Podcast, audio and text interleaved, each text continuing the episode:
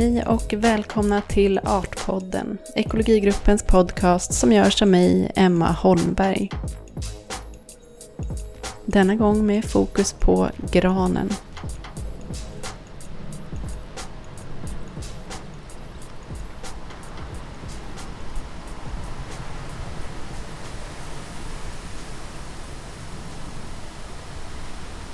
Kanske befinner ni er intill en gran just nu Inflyttad i värmen, dekorerad med ljus och glitter. Eller så finns den där runt husknuten, skymmer sikten och ger skugga från de få solstrålar som lyckas ta sig igenom molntäcket denna mörka vintermånad. Kanske rör du dig genom rader av granar, symmetriskt uppställda, likt en nordkoreansk militärparad på var sida om stigen.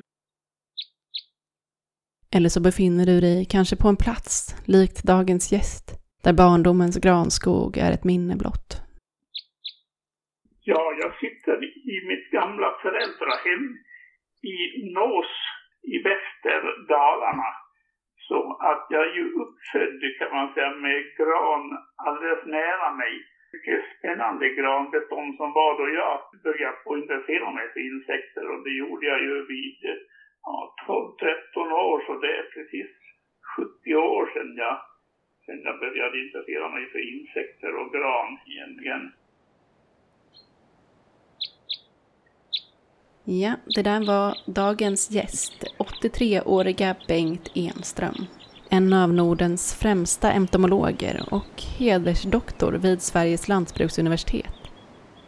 Dessutom har vi i dagens avsnitt med oss en av alla de svenska författare som har levt, känt och förmedlat sina tankar om Sveriges högsta, minst omtyckta och vanligaste träd.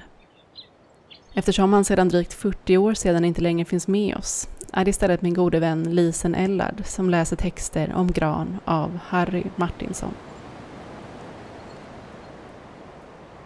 Granskogen rymmer en rikedom på formationsmöjligheter vars like inte kan uppvisas av något annat trädslag på jorden. Och vid vandringar i granskogar kan man var timme, dag för dag och år efter år finna ständigt nya och dittills osedda ting i fråga om variationer i granträdets profil och formering. Och kanske är det detta som utan att vi tänker därpå gör granskogen så outtömlig. Trots dess på samma gång sugande melankoliska enformighet. Bara om stödrötternas sätt att genom åren växa ut över hela hällsluttningar, förmera sig på alla sätt och med alla möjliga medel och likt ormar leta efter alla skrevor för att kunna stormkedja sin moderstam och varelse. Bara detta skulle kunna fylla volymer och gör det också. Boken därom ligger uppslagen i skogarna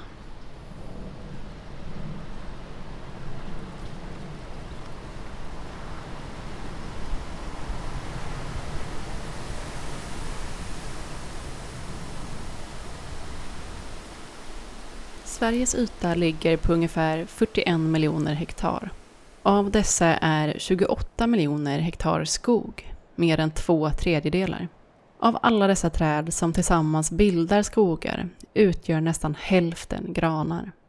Gran är det inhemska träd här i Sverige som är vanligast och som kan bli allra högst, upp till hela 50 meter. Det är också det träd som ny forskning har visat kan bli allra äldst. För även ifall de flesta granar som tillåts växa klart oftast når en ålder på cirka 400 år, så har åldersbestämning av rotrester visat att en 9550 år gammal gran, världens äldsta, står på Fulufjället i vårt land. Eller åtminstone en klon av en gran som växt där, på samma ställe sedan strax efter senaste istiden.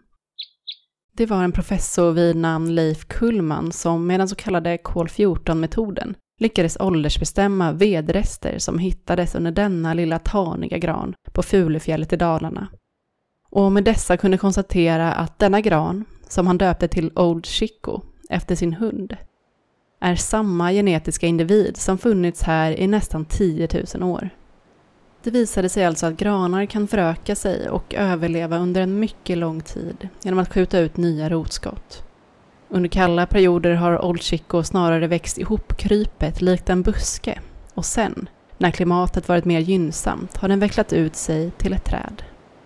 Tidigare hade man trott att granen gjorde sitt intåg i början av bronsåldern, då den lika ovälkommen som Sovjetunionens intåg i vårt grannland kom vandrande österifrån.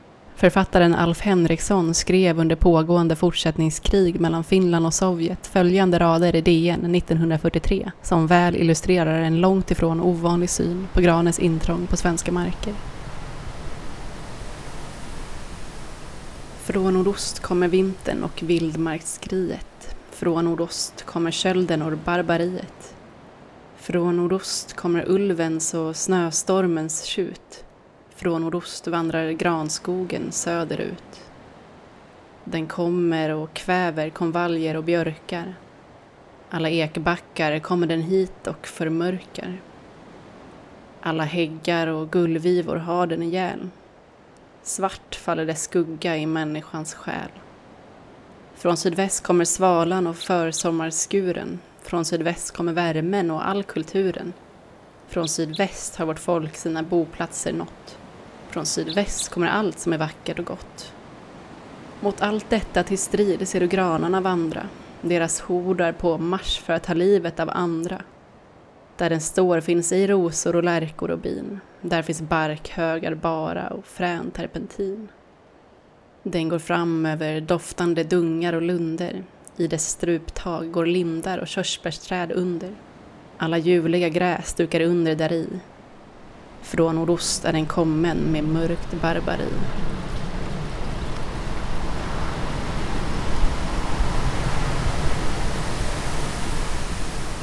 Men Leif Kullmans fynd motsäger alltså föreställningen att alla granar skulle ha kommit österifrån. Istället tror nu många forskare att det funnits isfria områden där granen bland andra växter och djur har kunnat övervintra. Så kanske bör även synen på granen som en förmedlare av mord och mörkt barbari ändras. Samtidigt ligger det ju någonting i det. Granen är, som Gunnar Wetterberg har beskrivit det, ett skuggtåligt och förtryckande träd. Om ingen gör något åt dem lägger det under sig allt mer mark. På grund av sin skuggtålighet kan den smyga upp underifrån, bre ut sig och med sina välklädda grenar stjäla ljuset från alla andra träd och örter. Och inte nog med det. Granen utför också en kemisk krigsföring om utrymmet i skogen, då den ofta tar upp betydligt mer kattjoner än den behöver från marken vilket tillsammans med det sura barr den fäller försurar marken och gör det än svårare för andra träd att växa. Därtill ska nämnas att det ska mycket till för älg, rådjur och harar att äta gran, medan det gärna glufsar i sig löv, en och tallskott.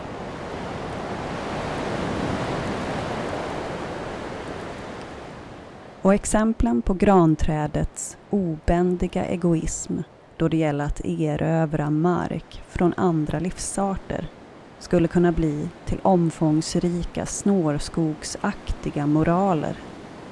Men vad hjälper sådant där de tunga myriaderna mil efter mil vagga i vinden, knuffande varandra och mumlande flytta på dig, tocka på dig och susande det sus som aldrig tar slut förrän slutkölden kramar det väldiga livet på denna halvö.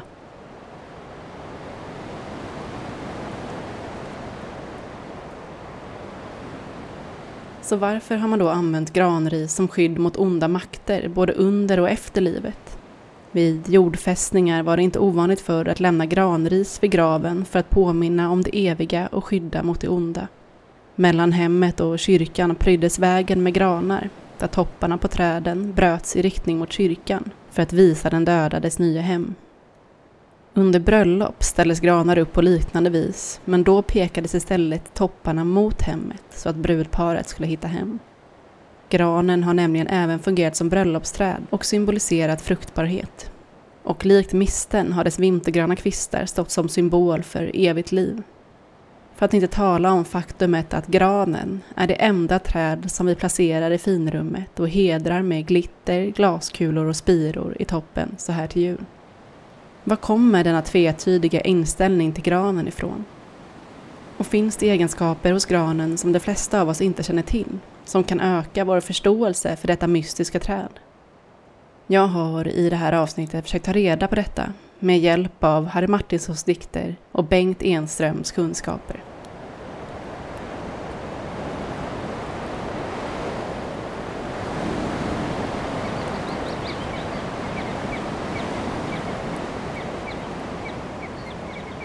Bland första, man ska säga, exkursioner man gjorde när man började på samla insekter en gång i tiden, eh, det var ju just eh, insekter på döda granar och man sprang och tittade under barken på döda träd och så vidare.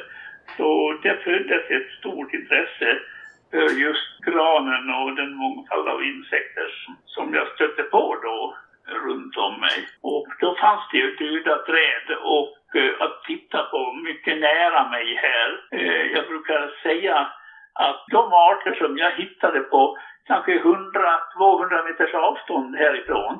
De, många av dem får jag åka, eh, cykla eller ta, åka bil en halv mil, till, till och med upp till en mil härifrån för att hitta i dagens läge.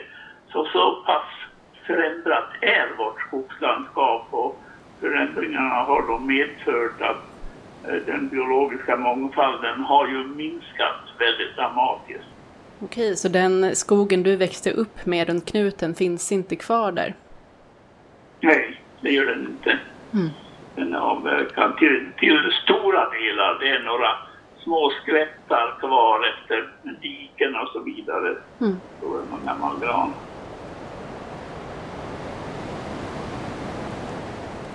Vad är det då som gör just granen så artrik? Ja, det är ju naturligtvis i eh, naturskogar så är det ju naturligtvis att granen där uppnår ju många gånger en ganska hög ålder. Den kan ju bli en 300 år gammal. Medan då den i kulturskogen avverkas vid 60 till 80 års ålder.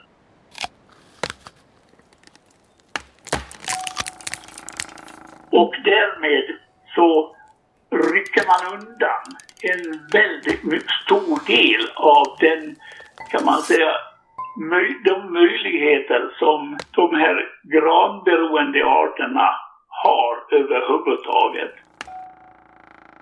Det blir ganska artfattigt i en välskött kulturskog. Så de flesta arterna hittar man ju på gamla, grova, döda träd. Och du nämner begreppet naturskog. Vill du klargöra vad det är för någonting jämfört med en produktionsskog? Ja, det är ju en skog då till stora delar som har då fortplantat sig kan man säga, frösått sig själv. Så det är inte eh, den kära eh, skogsarbetaren som har satt plantor och så vidare, plantören som har planterat skogen utan den har fått utveckla sig själv. Och den utmärker ju sig också framförallt av olikåldrighet på det sättet. Eh, man har ju i naturskogar ofta sådana här luckföryngringar. Det är grupper av träd som kanske dödas av granbarkborrar och så vidare. Och i de små luckor som uppstår i bestånden så kommer det ju oftast snabbt en uppväxande plantgeneration och ungskog växer upp sen. Och det gör att vi får en olikhållighet i bestånden och därmed har vi ju garanterat också att det kontinuerligt sett framåt i tiden dör träd kontinuerligt som ger då boplats och föda åt alla de här svamparna och insekter och så vidare som utmärker sig i den gamla granskogen. En välskött kulturskog den är ju efter slutavverkningen vid 60 till 80 år så uppstår det ju antingen att man frösår den eller planterar den så blir det ju samma ålder på träden över hela, eh, kan man säga, hela bestånden. Och eh, samtidigt då så tillåter man ju inte träd stå och dö i bestånden kontinuerligt. Så att det, är en fruktansvärt stor skillnad på de nischer, om jag så säger, som de, alla de här organismerna utnyttjar här. De fattas i eh, kulturskogen mm. till stora delar. När ett träd som fötts till att bli ett rotskälp faller, då faller det rakt, ofjädrande, nästan förberett på sitt öde. Det har stått löst hela livet och skälper när stormstunden kommer över ända som en mast utan mastfisk. Dagen efter stormen kan man gå ut och se trädets jordiga hålfot. Det är skogsstormens eget storvilt som här ligger fält. Men stormen själv är bortflugen och skogens träätande insekter får ta hand om storviltet. Så vitt inte ägaren dessförinnan kommer hit och tar vara på ett par stocklängder av stammen. Vad är det för arter som lever på och i granen då i en naturskog? Jag antar att det kanske har att göra med vilket stadie granen befinner sig om den är just död eller levande. Jo visst, absolut. I den levande skogen är det väldigt ofta fjärilar och växtsteglar och de utgör mångfalden av insekter. Men i en eh, naturskog så där är det ju framförallt då ved och trädsvamp levande arter som, eh, som finns. Och det är ju ganska många arter. Vi har väl en 350-400 arter av vedlevande eh, skalbaggar i den här gamla naturskogen som är ved och vedsvampberoende. Så att det är en väldigt stor mångfald med arter man stöter på där.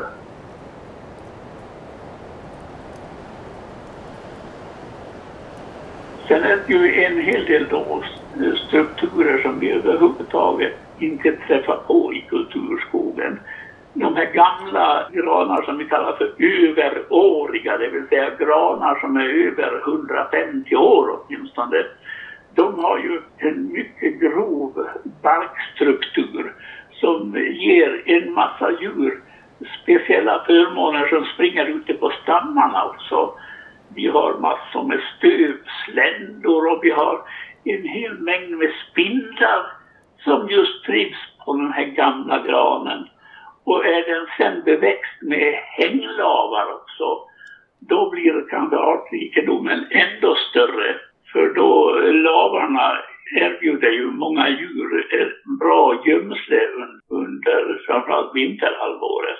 Just det, så då eh, det är många insekter som eh, gosar in sig i de hänglavarna då för att ta skydd från kylan? Ja, just det. Ja, just det. Det är framförallt då spindeldjur, spindlar, ja, okay. mm. som vi hittade.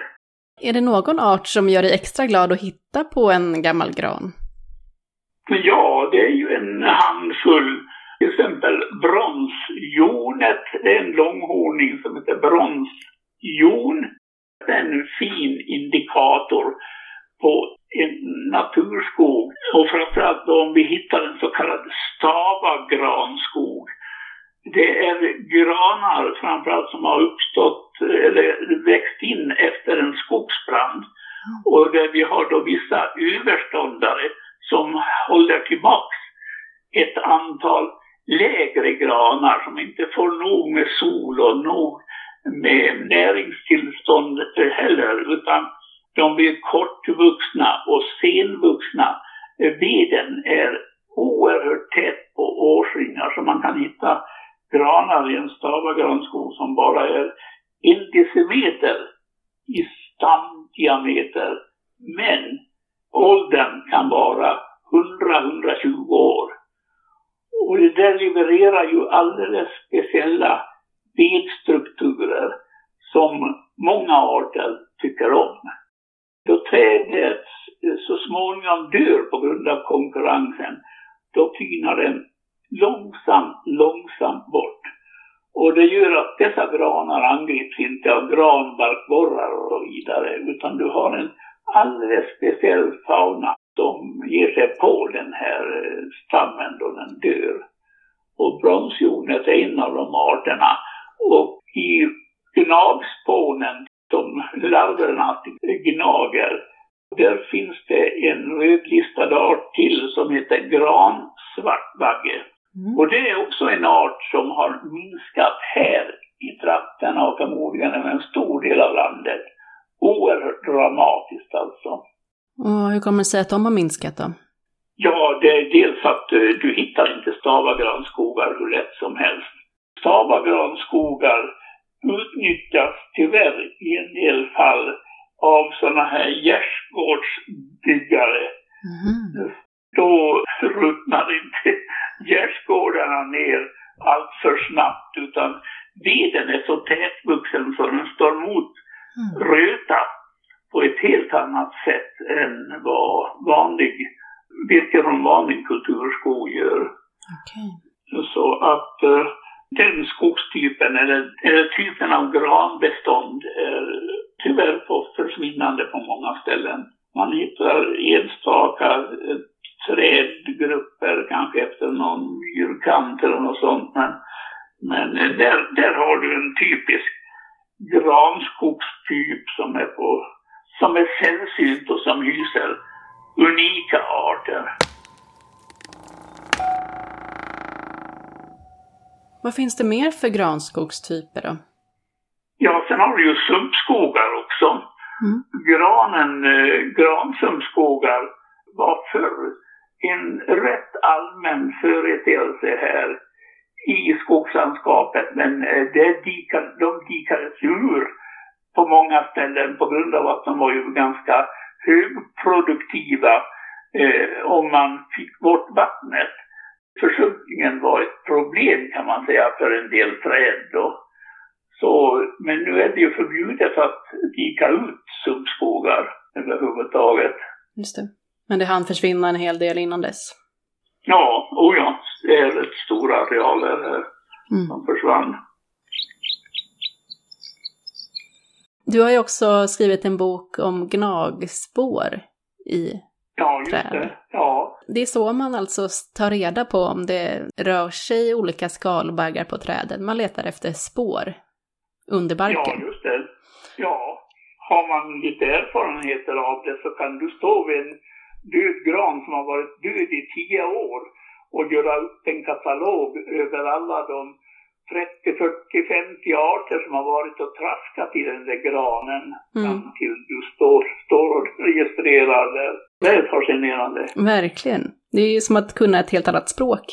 Ja. Mm. Du har ju barkborrar som bara angriper de yttersta årsskotten av granen till exempel. Mm. Och sen har du barkborrar som lever ända ner mot basen, eh, vissa arter. Och det är därför det ryms 35 eh, barkborrar på, på en gran alltså. Hur är det med kottarna då? Är det andra arter än den kände ekorren som satt i granen som gnager på kottar? Oh ja, oh ja. Det är det. Vi har ju småfjärilar, eh, så kallade mått. Vi har grankott måttet mm. som lokalt kan äta sönder kottarna totalt. Och vi har grankottvicklare som också gör detsamma. Vi har uh, olika steklar som går i kottarna och torkar dem så småningom då passar de grankottgnagaren, en skalbagge som lever i döda grankottar. Mm. Så det är en egen liten värld det också. Och sen har vi ju mindre korsnäbben. Just det. Tycker väldigt mycket om grankottar. Mm. Vill du berätta lite om vad som händer när en gran dör? Ja, då kommer i många fall olika arter av barkborrar är de som känner av, kan man säga, konditionen på träden. Så när livskraften börjar på att minska hos granen, då förändras ju doftspelet av terpener och tanniner och allt, alla sådana här kemiska strukturer i framförallt basten på träden. Mm. Så att de kan på grund av lukten mycket lätt rekognosera sig fram till lämpliga träd som är så försvagade så uh, barkborrarna kan döda dem överhuvudtaget. För uh, träden har ju en fantastisk försvarsförmåga och det är ju med kåda inne i barken. Så de kan inte, man kan säga insekterna kan inte ge sig på hur friska träd som helst. Granbarkborren kan det om uh, de är för talrika och det är väl den situationen vi har i Sydsverige nu där vi har en förhöjd uh, stam av granbarkborrar som uh, dödar tusentals träd. Granbarkborren som egentligen heter den åttatandade barkborren. Vi har över 30 barkborrearter som går på gran. Så det här eh, allmänna namnet granbarkborren, det är lite ospecificerat. Åttatandad barkborre heter den. Om den ger sig in under barken då så medför den eh, svampar som snabbt eh, då etablerar sig som gör att granen konsumerar en massa energi för att kanske framförallt gardera sig för svamparna som barkborren släpar med sig in under barken. Och då dör trädet ganska snabbt och då orkar inte trädet försvara sig mer med kodflöde. Och samtidigt med eh, då granbarkborren så har vi då över 130 andra insektsarter som lever tillsammans med granbarkborren. En del parasitsteklar, de parasiterar larverna till granbarkborrar. Men en hel del andra djur då lever i gångarna och som rovdjur på granbarkborren. Så den medför en hel, kan man säga, litet ekosystem om jag så säger, mm. med, med djur runt om sig. Mm. Det gäller då framförallt då i områden, i bestånd där du har haft en kontinuitet av angrepp då och då.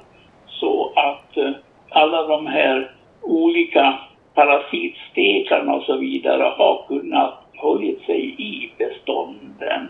Men, eh, men som sagt, är det så att det dör en gran med mycket långa mellanrum här och vi har alltså stora arealer med kulturskogar mellan, då kan vi knappast hitta de här ursprungliga fienderna till granbarkborren.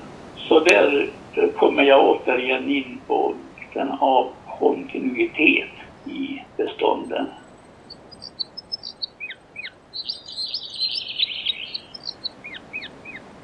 Alltså angreppen av granbarkborre gör ju bestånden artrika alltså genom att den levererar på längre sikt mängder med död ved. Men naturligtvis skogsägaren, privatskogsägarna och bolagen vill ju rädda så mycket virkesvärde som möjligt. Mm. Och därmed går man ju väldigt ofta in då på hösten och vintern och avverkar de här angripna träden. Om man som skogsägare ändå vill skapa livsmiljöer för flera arter i sin skog, hur skulle du rekommendera dem att sköta om sina granar i relation till granbarkborren? Ja, man ska ju då försöka avgöra om man gör någon nytta av att plocka på sig de här angripna träden under hösten, vintern. För i många fall så har ju granbarkborren lämnat träden.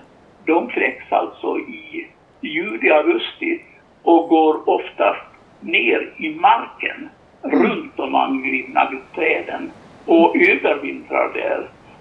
Många gånger så tror ju då skog, skogsägaren att han forslar bort en stor del av granbarkborrarna ur sin skog. Mm.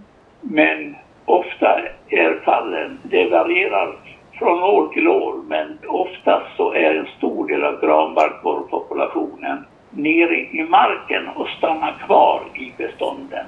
Vad man däremot gör är att man transporterar bort de naturliga fienderna. Mm. För de stannar kvar i träden till försommaren nästa år. Okay. Vi har en annan mycket viktig faktor det är väderleken mm. kommande mm. år. Blir det väldigt varmt och torrt då får ju granbarkborren, och det är just det som har varit fallet nu de sista åren, får den utmärkta möjligheter att angripa de levande träden som står kvar i bestånden runt om.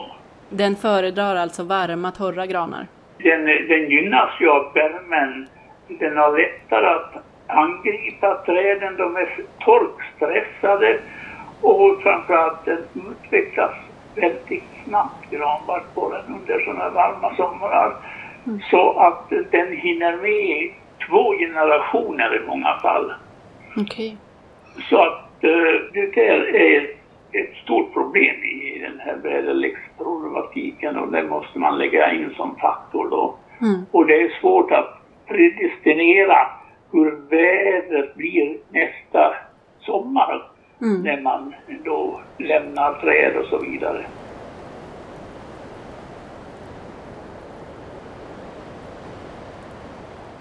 Endast det inre av roten sträckes av vinden. Om det yttre av roten skulle sträckas skulle de fina rothåren brista och trädet skulle på stående fot dö strax efter stormen. Naturens mekaniska cellkonst yttrar sig därför så att endast det inre av roten får arbeta med vinden. På detta faktum och på inget annat kan man bygga bilden. Jag dristar mig. Rötternas yttre kan liknas vid fantastiska snabelskor var kloliknande långa fötter sitter instuckna. Vid storm sträckes respektive sammandrages sträckrotens alla organ inne i snabelskon. Granen reser sig så att säga på tå inne i rotsnablarna och sänker sig åter ned i dem. Så står den fjädrande på tå inne i sina åt alla håll pekande rotsnablar. Skedde inte detta skulle hela skogsmarken gunga vid svåstorm. Men det gör den inte. Ty granen möter stormen med hjälp av sina insides anordningar och rider ut vindarna med hjälp av resårerna och stagningarna i den utifrån osynliga men inifrån så mycket mer levande veden.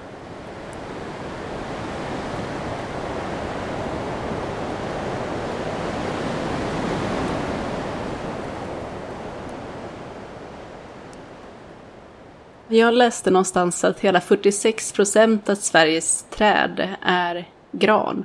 Alltså nästan varannat träd här i Sverige är just gran. Eh, ja, det stämmer. Träslaget har den största utbredningen i landet. Den har ju inte erövrat hela landet än. Utan man kan säga för den naturliga utbredningen den eh, tar ju slut, tänkte jag säga, i norra Skåne. Sen har ju människan planterat ut granen ytterligare i Sydskåne och så vidare. Vad, hur känner du inför det? Vissa menar ju att det finns alldeles för mycket gran och ser den här utbredningen av granen som en otäck mörk matta som läggs över Sverige. Hur känner du? Det kan man väl säga att den till stora delar då gör en stor del av skogsarealen. Naturligtvis tar du bort lövskog och ersätter det med granskog. Då medverkar det ju till att sänka artdiversiteten väldigt kraftfullt. Kanske hugger bort tre, fyra träslag, eh, björk, eh, asp och så vidare och ersätter det bara med ensartat konformt täckt granbestånd. Mm. Det till och med floran försvinner och du får bara husmossa på backen. Och då har du ju verkligen sänkt mångfalden, den biologiska mångfalden så långt du kan komma tänkte jag säga.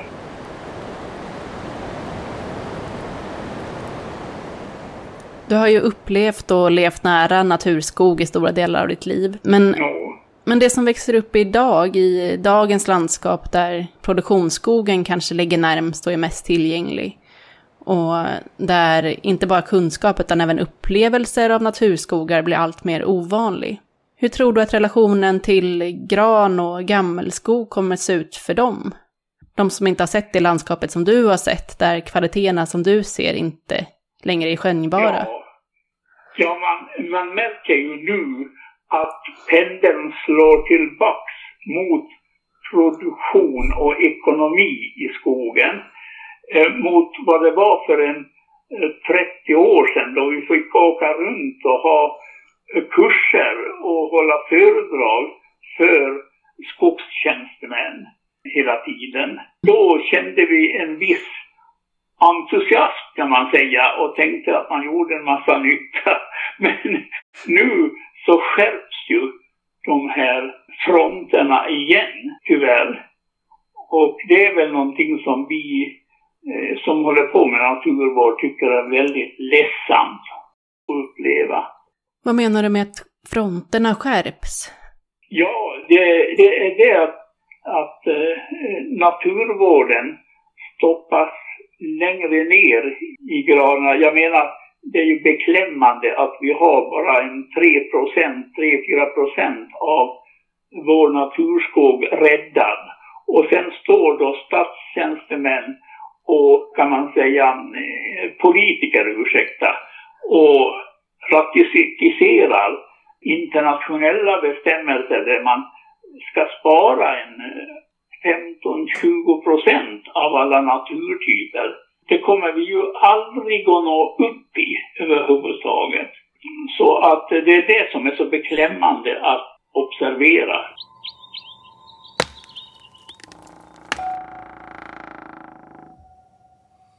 Och ifall någon av dem lyssnar nu, vad skulle du vilja säga till, till politikerna?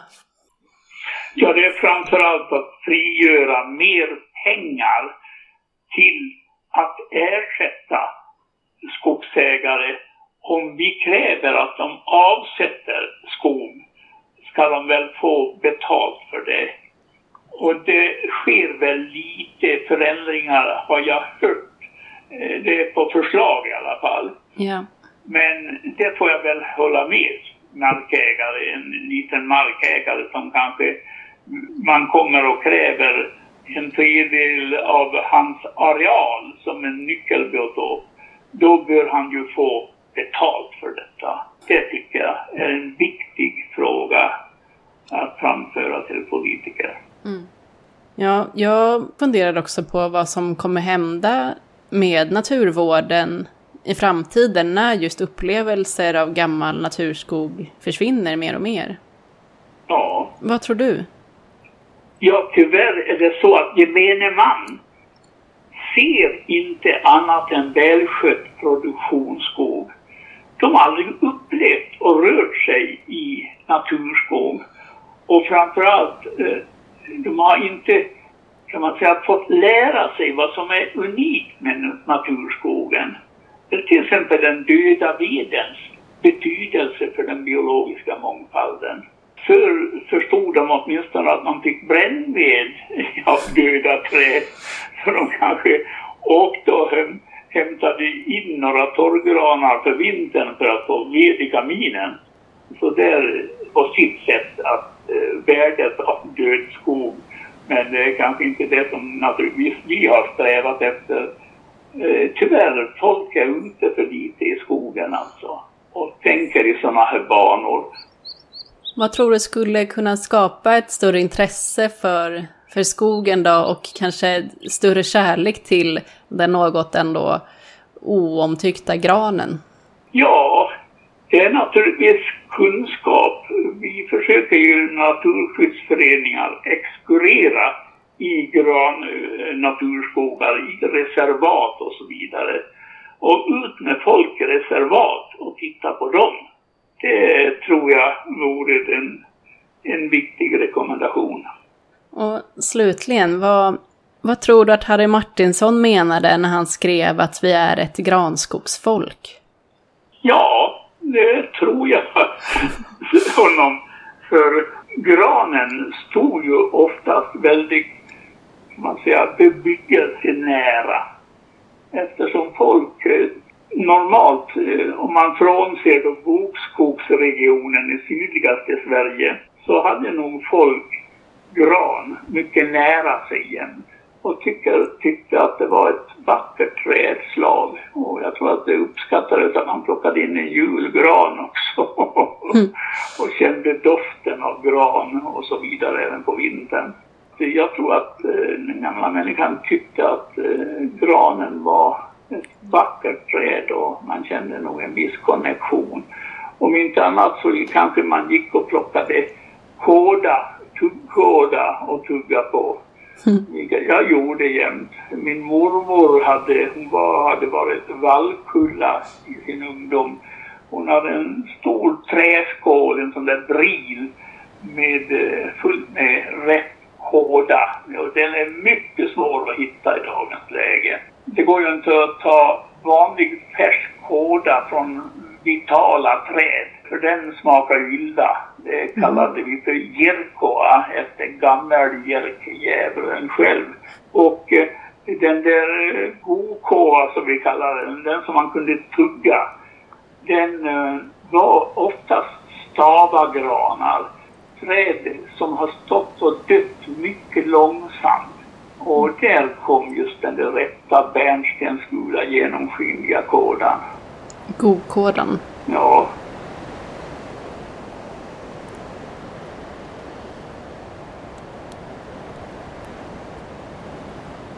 Furan, det högresta mastträdet med kronan som en utsiktskorg i toppen spanar över vårt ändlösa innanhav av gran där vi år från år och våg från våg intill döddagar kan räkna hur gran försvinner bland gran.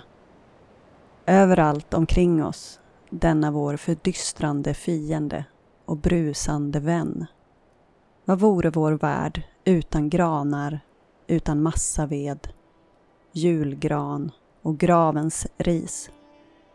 Vad vore den utan det skydd som granen ger och utan de skuggande sagor som bara kan berättas av granar?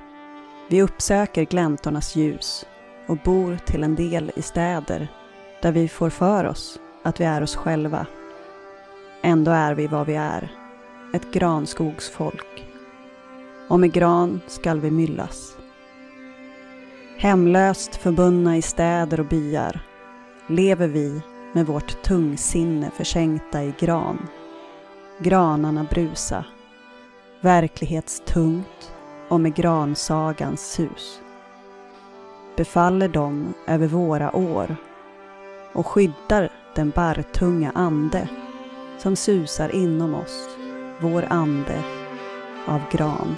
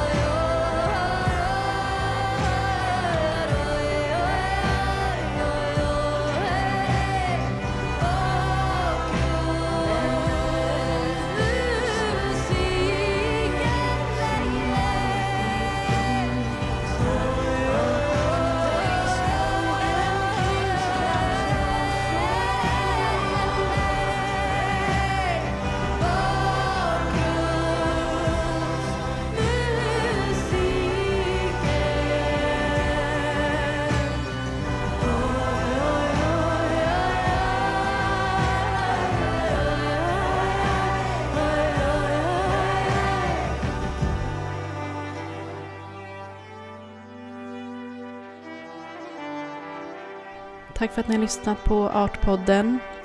Tack till Bengt, till Lisen och till sist Sara Parkman för den fina låten Antropocen.